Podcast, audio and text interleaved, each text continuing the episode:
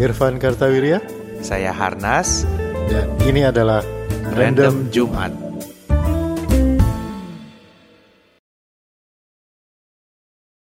Halo. Halo, selamat hari Jumat.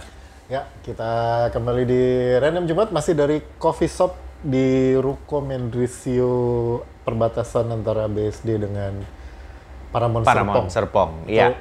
DH Gading Serpong. Karena gue sampai sekarang nyebut ini daerah sini masih Gading Serpong. Masih Gading Serpong iya, sebenarnya udah Paramount ini. Iya. Eh, teman-teman rehat dulu dua hari ke depan. Iya. Ya, hati-hati COVID dulu. ya. Ini kita outdoor, jadi masih bisa, tapi kita masih bawa masker. Iya. Masih ada COVID-nya, jadi harap berhati-hati ya. Santai-santai dulu, ngopi-ngopi dulu. Iya, udah bisa outdoor, jadi bisa ngopi-ngopi. Nah, kita ngobrolin random-random dan ya, seperti ngobrolin biasa sains ngobrolin- dalam bahasa manusia. Kali ini kita akan Oh, ada bahas. yang pernah nanya tuh, kenapa kita katanya ngomongin sains yang besar, tapi kita nggak pernah ngomongin sains. Heeh. Karena random Jumat. Dan sains yang kita maksud bukan ngomongin kimia fisika, Iya ya. bukan. anything gitu. tapi Anything, ya. berbasis eh, rada ilmiah. iya betul betul. nah kali Kita ini pakai kita random pakai generator. random noun generator dan yang dibahas adalah komplain. Kom- oke. Nah, kita bahas mengenai komplainan. Komplain. Waduh. Komplain itu eh, apa? Eh, salah satu dulu salah satu rubrik paling menyenangkan untuk dibaca di koran dulu ada keluhan apa istilahnya itu bukan keluhan konsumen apalah itu suara konsumen Oh oke. suara konsumen namanya suara konsumen tapi isinya komplain semua nggak ada suara konsumen yang bilang saya kemarin makan di restoran anu enak pisan gitu itu kan suara konsumen Iya, juga suara- tapi isinya Tapi isinya saya komplain." makan di restoran ini ininya ngaco ini gitu, gitu. saya servis eh, mesin cuci di ini udah tiga bulan belum selesai ya Pasti gitu tuh isinya. ada suara konsumen Suaranya sumbang semua ya. suaranya negatif Suaranya negatif semua. Tapi komplain ini memang eh, kalau menurut gua yang paling cocok ya. Ini kalau kita ngomongin restoran adalah yang di restoran Padang kan. kenapa Jika Anda puas, beritahu, Beritahu kawan. Ya. Jika Anda tidak puas, beritahu kami Nah, gitu. gitu. Itu menurut gua kunci Itu kuncinya kunci dari- to- apa dari sebuah komplain gitu Iya, ya. itu kunci dari suara konsumen. Iya, kunci dari suara konsumen. Kalau kebalik ya, Anda Oh, tidak puas beritahu kawan, itu bahaya. itu bahaya juga gitu. Kadang-kadang kita, gue selalu misalnya ada sesuatu yang nggak cocok gitu ya, minta panggil manajernya gitu, minta panggil manajernya. Terus eh, manajernya datang, ya memang manajer juga berbeda. Ada yang memang care, ada yang aduh ada terserah lo mau ngomong apa gitu kan ya. Tapi at least kita sampaikan lah, ada ada keluhan misalnya apa, itu at least kita sampaikan lah gitu ya. Eh, sebab kalau misalnya langsung nyampaikan kepada teman, ini zaman UU ITE jadi jadi ribet gitu ya. Kalau kalau gue sih ngelihatnya bukan dari UITE-nya, tapi gue setuju bahwa memang filosofi Indonesia tentang komplain itu sebenarnya persis yang tadi itu kan. Jika puas beritahu teman, tidak puas beritahu kami. Itu menurut gue eh, apa beneran penting bukan cuma karena UITE gitu, tapi masalahnya adalah lu komplain tuh ngapain? Mau cari solusi apa mau ngajak ribut gitu kan?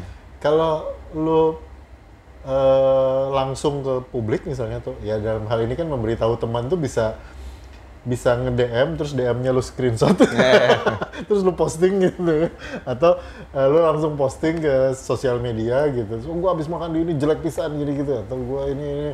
nah kan lu nggak akan dapat solusi gitu. Gua kemarin digetok nih makan di sini harganya segini gitu. Itu kan ya lu emang emang cari engagement aja kalau menurut gua.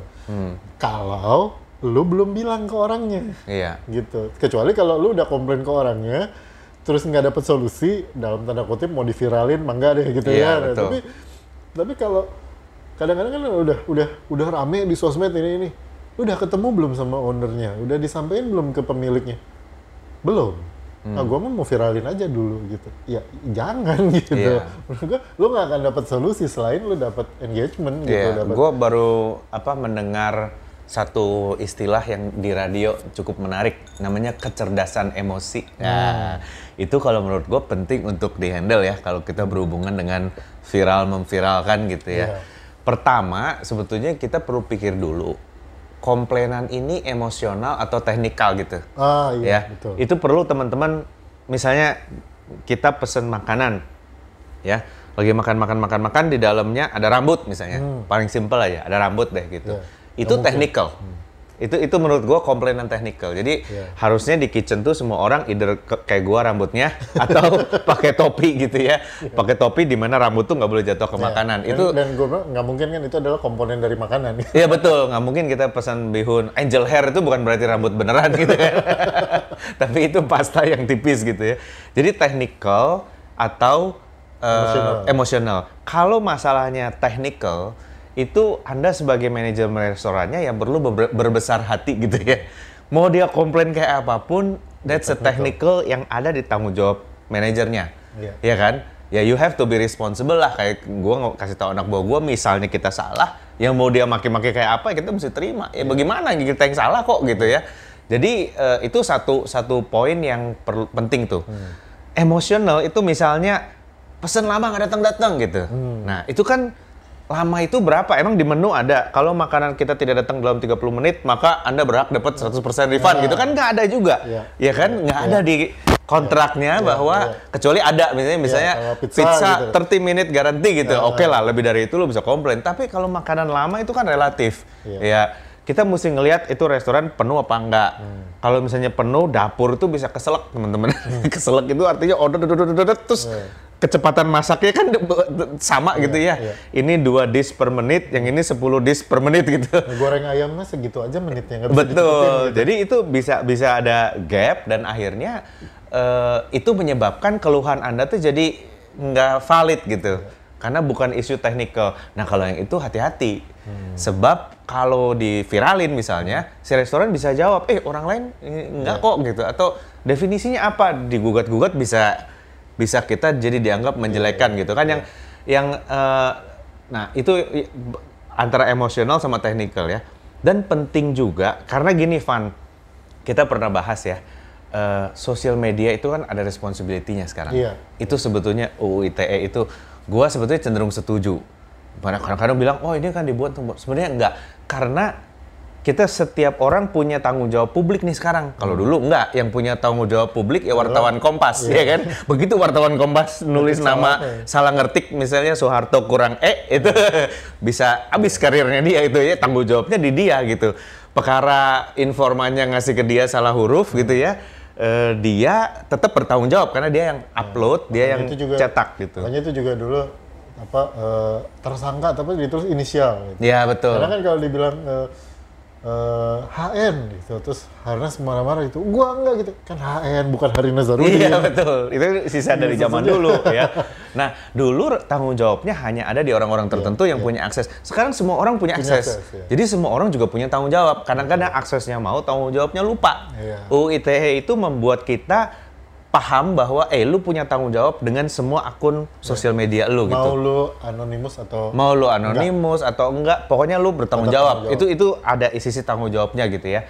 Nah, eh, kalau misalnya yang hati-hati yang baru terjadi belakangan ini nih Van, Hmm. ada orang Jerman yang merekam eh, apa imigrasi Bali ya. Hmm. Imigrasi Bali nunggunya lama gitu. Oh, dia nunggu lama, terus dia komplain kenapa nunggunya lama banget 5 jam atau berapa gitu. Masalahnya dia ternyata dapat informasi itu dari temennya gitu loh. Oh. Jadi nggak first hand itu juga hati-hati. Artinya repost ya atau retweet itu juga mesti hati-hati. Terutama kalau berhubungan dengan komplain. Karena kita nggak tahu yang komplain ini bener apa enggak dan gitu. sudah menceritakan semua kejadiannya atau belum? Betul. Atau cuma dari sudut pandang dia doang gitu kan. Itu juga kita bisa jadi masalah tuh gitu. Iya, iya. Ya, bener sih. Memang perlu dilihat antara technical dan emotional issue tadi itu ya. Hmm. Eh, sebelum kita sampaikan, ya, yaitu gue baliknya ke ke ke yang tadi ya. Mau itu technical, mau itu emosional, yang pertama lu mesti buat adalah komplain itu ke penyedia produknya dulu, jangan ke orang lain dulu gitu kayak misalnya wah ini lama banget sih gini gini gini ya ya lu sebelum memviralkan gue pesen dari jam segini sampai jam segini belum datang sampai akhirnya gue pulang gitu ya sebelumnya kan lu harus ngomong dulu sama uh, waitersnya atau sama manajernya Mas ini udah tiga jam saya nungguin kok belum matang-matang ini jadi dimasak apa ayamnya uh, diternakan dulu Iya. gitu. Misalnya kayak gitu kan kalau dia bilang, wah ini karena gini-gini. Masih bisa di cancel nggak? Kalau bisa di cancel, cancel aja saya pindah tempat lain gitu Iya. kan. Selesai gitu maksud gua. Lu ngomongnya jangan ke ke publik dulu gitu. Lu ngomongnya ke orangnya dulu. Jadi mau technical mau emotional, dua-duanya sama. Lu konsep bahwa lu puas beritahu teman, tidak puas beritahu kami itu masih berlaku gitu. Betul. Cuman kan memang yang emosional ini namanya juga emosional ya. Lu lebih lebih jempol lu akan lebih ringan untuk ngomong keluar gitu, terutama emosional karena wah gua kesel banget nih gini ya kan gitu. Nah itu makanya itu mesti mesti hati-hatinya tuh eh, di situ. Kalau gua ngeliatnya gini juga salah satu masalah dengan komplain ini adalah eh, banyak orang yang komplain itu nggak tahu apa yang dikomplainin sebenarnya. Ah iya Jadi iya. sebenarnya yang bikin lu komplain tuh apa sih gitu? iya. Hmm. Kayak misalnya tadi kan di makanan lu ada rambut gitu. Eh, kenapa lu lu lu orang kadang-kadang gue di, foto terus di, di upload. Terus pasti ada yang komentar di bawah "Oh, tinggal gitu doang pinggirin apa sih? Gitu. Iya. gitu. Tapi kalau bilang gitu dengan adanya rambut di di, di makanan gua ini eh, artinya gua nggak jamin makanan eh, yang ada di meja gua misalnya lu makan sama beberapa orang itu higienis gitu kan. Karena ini aja bisa ada rambut gitu misalnya kayak gitu. Nah, artinya kan lu komplain kan ke orangnya. Karena lu bilang kayak ini gua nggak yakin yang lain eh, ini juga apa eh, bersih gitu misalnya jadi lu mesti tahu dulu sebenarnya yang lu komplain tuh apa gitu. Lu lu tag komplain karena apa gitu. Iya. Terus yang kedua, yang juga orang suka nggak tahu adalah lu komplain tuh mengharapkan apa gitu. Iya, betul. Lu komplain tuh mengharap diganti, artinya di- diperbaiki. Ya contoh misalnya, eh, lu beli eh, power bank gitu misalnya, terus lu servis, nggak ada sih orang nyervis power bank. misalnya lah gitu ya, lu nyervis power bank gitu, udah seminggu nggak kelar-kelar gitu kan. Ya lu komplain itu kan maksudnya mau dipercepat gitu ya, Iya. gitu. Kalau bisa besok selesai gitu. Ya itu harapan lu dengan komplain lu teh apa gitu. Itu teh kadang-kadang nggak jelas gitu. Ya contoh gue pernah komplain juga gitu. eh, eh, nunggu teller bank gitu. Gue kan pernah pernah berapa kali ngomong di di random jumet gue bilang eh, kantor bank sekarang itu kayak IKEA gitu isinya mebel doang gitu.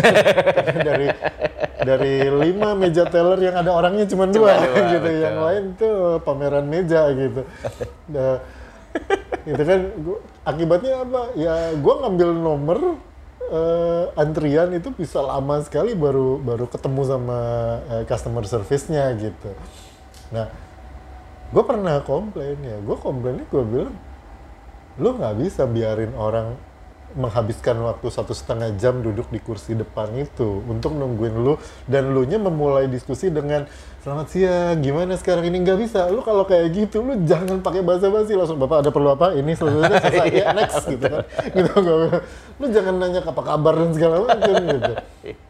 Itu komplain seperti itu gue sampai langsung ke ke dan dia catat sebagai masukan gitu ya dan kemudian beberapa bulan gue kemudian gue balik lagi ke sana tetap begitu dong. Tetap sama gitu. Tapi baliknya gue sudah sampaikan harapan gue apa gitu dengan komplain itu. Apa yang harus diperbaiki gitu. nah itu banyak yang nggak tahu gitu. Maksudnya banyak yang pokoknya marah aja lah gitu. Iya. gue kesel nih gini gini. Iya lu kesel terus terus kenapa gitu? Terus mau- Iya. lu maunya gimana? Di refund atau diganti? Misalnya kayak makanan makanannya lu mau oke eh, yang ini nggak usah dihitung nanti billnya airnya aja minumnya Iya. aja gitu atau oke bu kita ganti dengan makanan yang baru nah kayak gitu lu tuh sebenarnya maunya yang mana Hmm. Iya, itu, gitu itu mesti dituju apa yang mesti Iya, dituju tuh ya. gitu. Tapi eh, apa sih yang membuat lu komplain, Van? Kalau gua ya, nih gua duluan ya. Hmm. Ada dua hal nih, karena gua ingat satu kejadian lucu. Yang pertama inefisiensi, Hmm. yang kedua itu unfairness. Oke. Inefisiensi itu gini, gue pernah komplain karena ada satu toko, memang dia mau tutup sih, ya. Jadi ada satpamnya itu masih buka, tapi ini kira-kira 45 menit sebelum mallnya tutup gitu. Pintunya tuh pintu tarik gitu kan, Oh, iya. digredek-gredek setengah. Terus dari gitu ada orang mau masuk, masih boleh dong, gredek-gredek dibuka. ada terus gredek-gredek tutup lagi. Ada orang mau keluar, gredek-gredek buka, gredek-gredek, gredek-gredek, terus gue bilang, Pak, kenapa Bapak nggak buka aja? Saya kesel lihat Bapak tarik dulu, tarik dulu. buat apa? Kan nanti 15 menit sebelum jam 10, lu tutup. Eh semua sekalian, gue bilang gitu. Toh yang di dalam tinggal bayar. Dan orangnya ketawa gitu ya. Karena buat gue in inefisiensi gitu. Gerodak, gerodek, gerodak, gerodek. Buat apa lu buka tutup pintu? Ya kan jam masih ada 45 menit toh gitu ya. Nanti tinggal diumumin aja yang di dalam eh kita tidak menerima pengunjung baru ya yang di dalam selesai itu.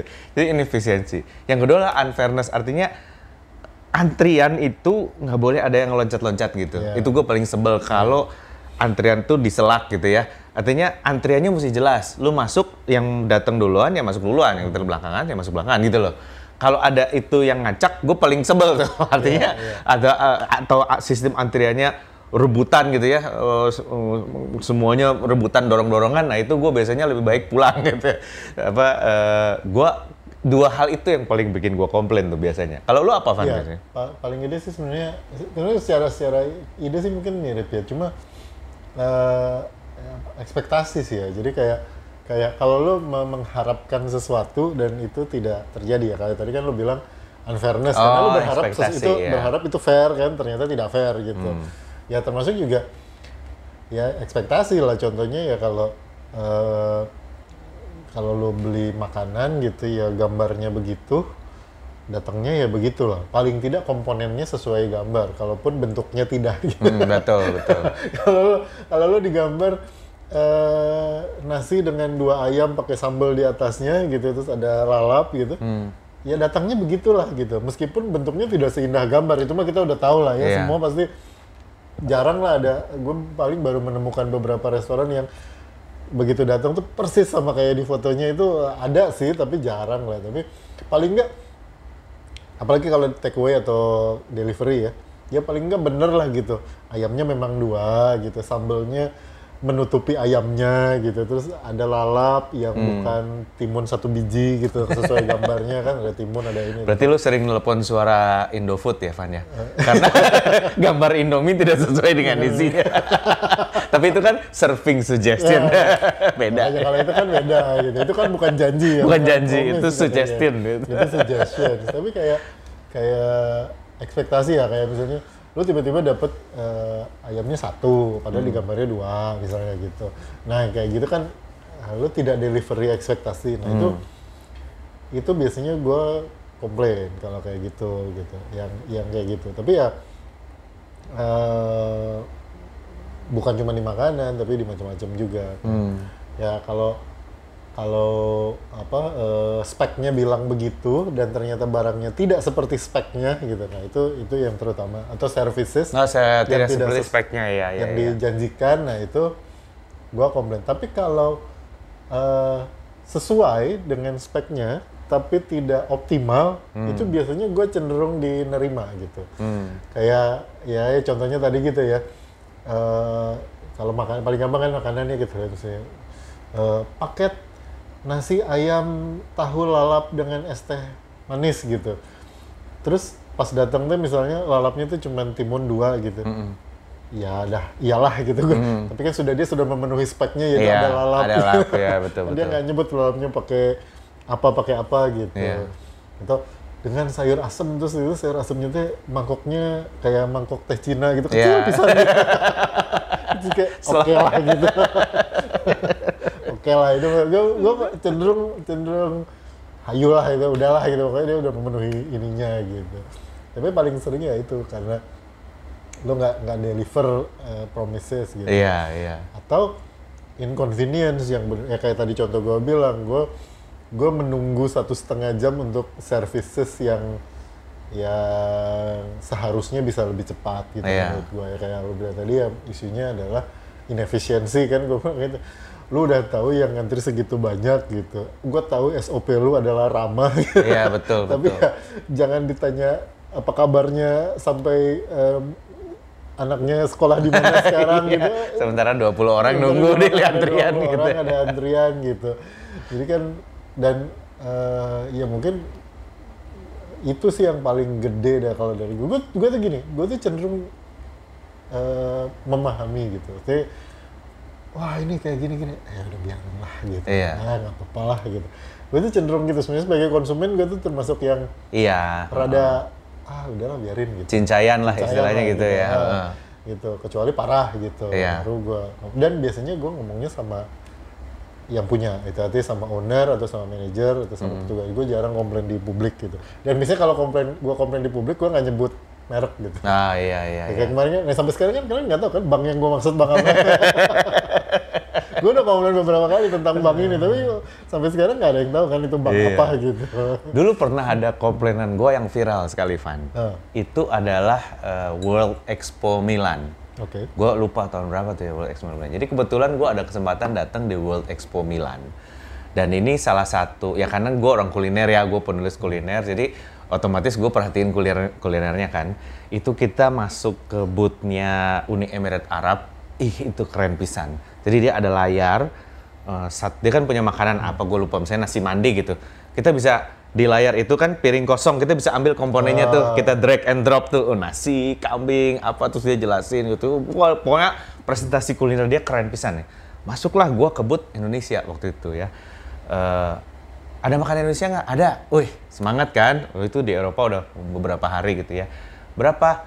25 euro. 25 euro itu mahal pisan ya kan? ya. sebenarnya mahal pisan gitu.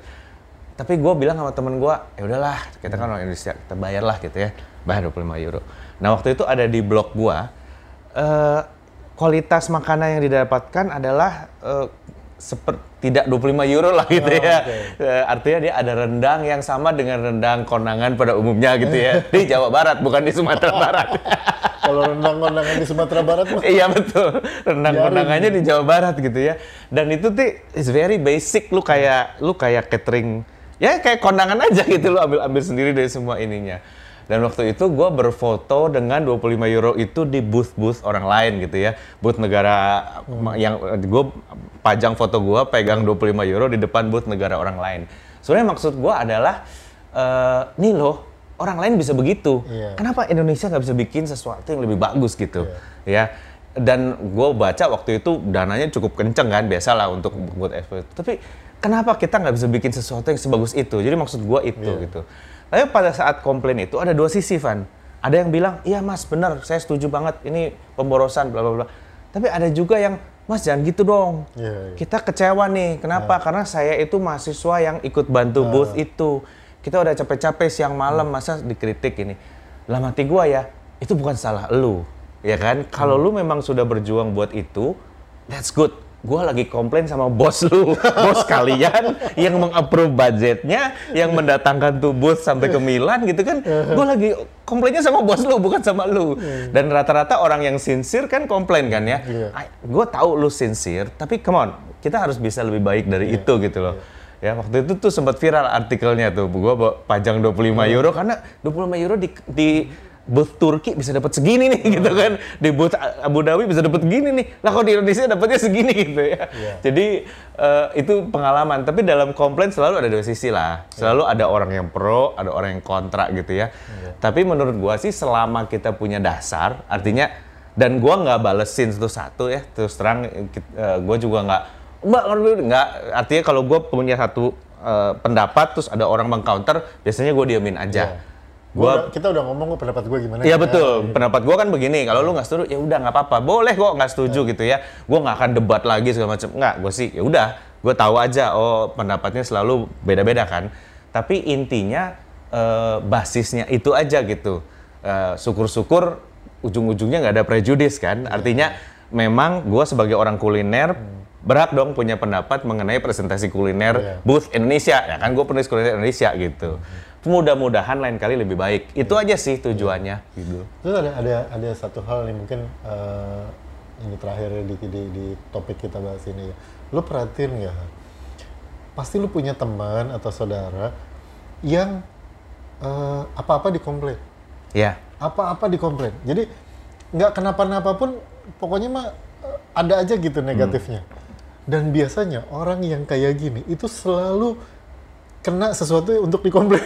Misalnya gini, lu lu eh, eh, ini orangnya komplain, apa apa komplain gitu, ada apa apa orang nggak kenapa-kenapa juga dikomplain gitu. kita makan itu, wah ini kok gini ya, padahal biasanya, padahal nggak apa-apa gitu Iya. sebenarnya. Komentarnya itu selalu negatif gitu. Dan biasanya dia yang selalu kena emang beneran apes Eh gitu. kebetulan ada rambutnya. Nah, gitu. kayak eh kebetulan antrinya diselak orang Ah, gitu. gitu. Kita kita pesen gitu makan. Kita pesen kita berlima berenam gitu. Pesen makan punya dia terakhir katanya. kita Terus punya dia ada rambutnya. Nah, kita naik pesawat gitu eh apa eh, boarding sama-sama gitu dia, dia punya dia joknya yang ininya agak ngeletek dikit Padahal yang lain enggak gitu ya. selalu kayak gitu tuh Iya, selalu. betul, jadi betul. gue mikir juga jadi komplain itu kan artinya lu me- menyuarakan sesuatu yang negatif ya meskipun tujuan lu konstruktif Ya. tapi kan lu menyuarakan sesuatu yang negatif ya dan itu menurut gue juga menarik sebuah apa eh, mungkin sebuah energi-energi negatif Iya, betul, Jadi betul, kayak, betul. kalau lu kok sering komplain tanpa alasan yang jelas entah kenapa tuh kena aja pasti Betul, betul, betul, betul. yang mana yang gitu ya kalau ada apa-apa gitu kan oh ini ya gini ini ini Jadi kita naik rombongan naik mobil mobil kita nggak kenapa-kenapa mobil dia AC-nya anget gitu.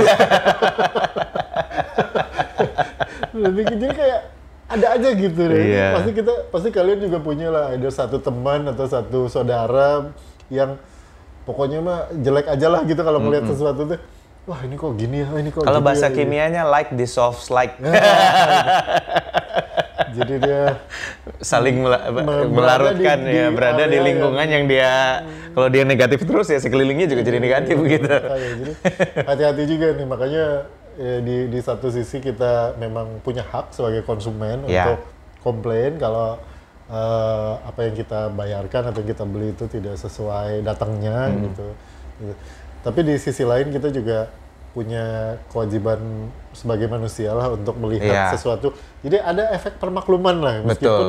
Jadi sekali lagi baliknya gini, yang memaklumi itu kita bukan produsen yang minta dimaklumi gitu. Betul, Atau betul. ya maklum lah pak ini lagi penuh apa segala macam nggak bisa. Lu sebagai produsen semua orang pesen mau makan siang jam 12 ya lu usahakan semua makanan Nah, tersedia di iya, jam 12. betul. Itu that's your job gitu Nah, loh. Tapi sebagai konsumen kita bilang iya semua orang pengen makan jam 12 yang di sana udah masak ya lebih lebih 10 menit, 5 menit ya cincai lagi.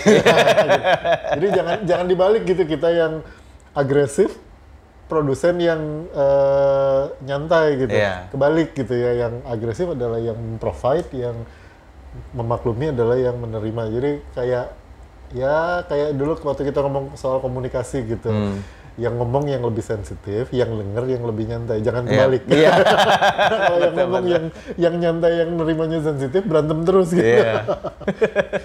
Mungkin itulah kira-kira eh, apa kunci-kuncian buat komplain dan Iya, itu. mungkin teman-teman pernah punya pengalaman positif komplain. Ah. Wah, sesudah saya komplain ternyata orangnya nyamperin, improve, improve, terus kita jadi berteman segala macam. Boleh eh, taruh di komen ya, Hmm, eh, pernah ada pengalaman komplain apa yang akhirnya konstruktif dan positif gitu Iya, ya. iya. Sebab tujuannya komplain kan itu sebetulnya, Iya, sebetulnya supaya mem- saling membangun gitu ya. bukan marah-marah ya. Bukan marah-marah, iya. Nah, terima kasih udah dengerin Random Jumat. Iya. Jangan lupa like, subscribe, dan nyalakan notifikasi. Jadi kalau ada video baru bakal dikabarin. Ya, kalau Anda suka dengan Random Jumat, beritahu teman. Iya. Kalau Anda komplain tentang Random Jumat, eh, silakan tulis di bawah. Hmm. Nanti kan itu kita moderasi aja. kita nggak tayangin. Kita kata ya gini. Oke, saya Irwan Kartawirya. Dan saya Harnas. Kita ketemu di Random Jumat berikutnya. Bye. Bye.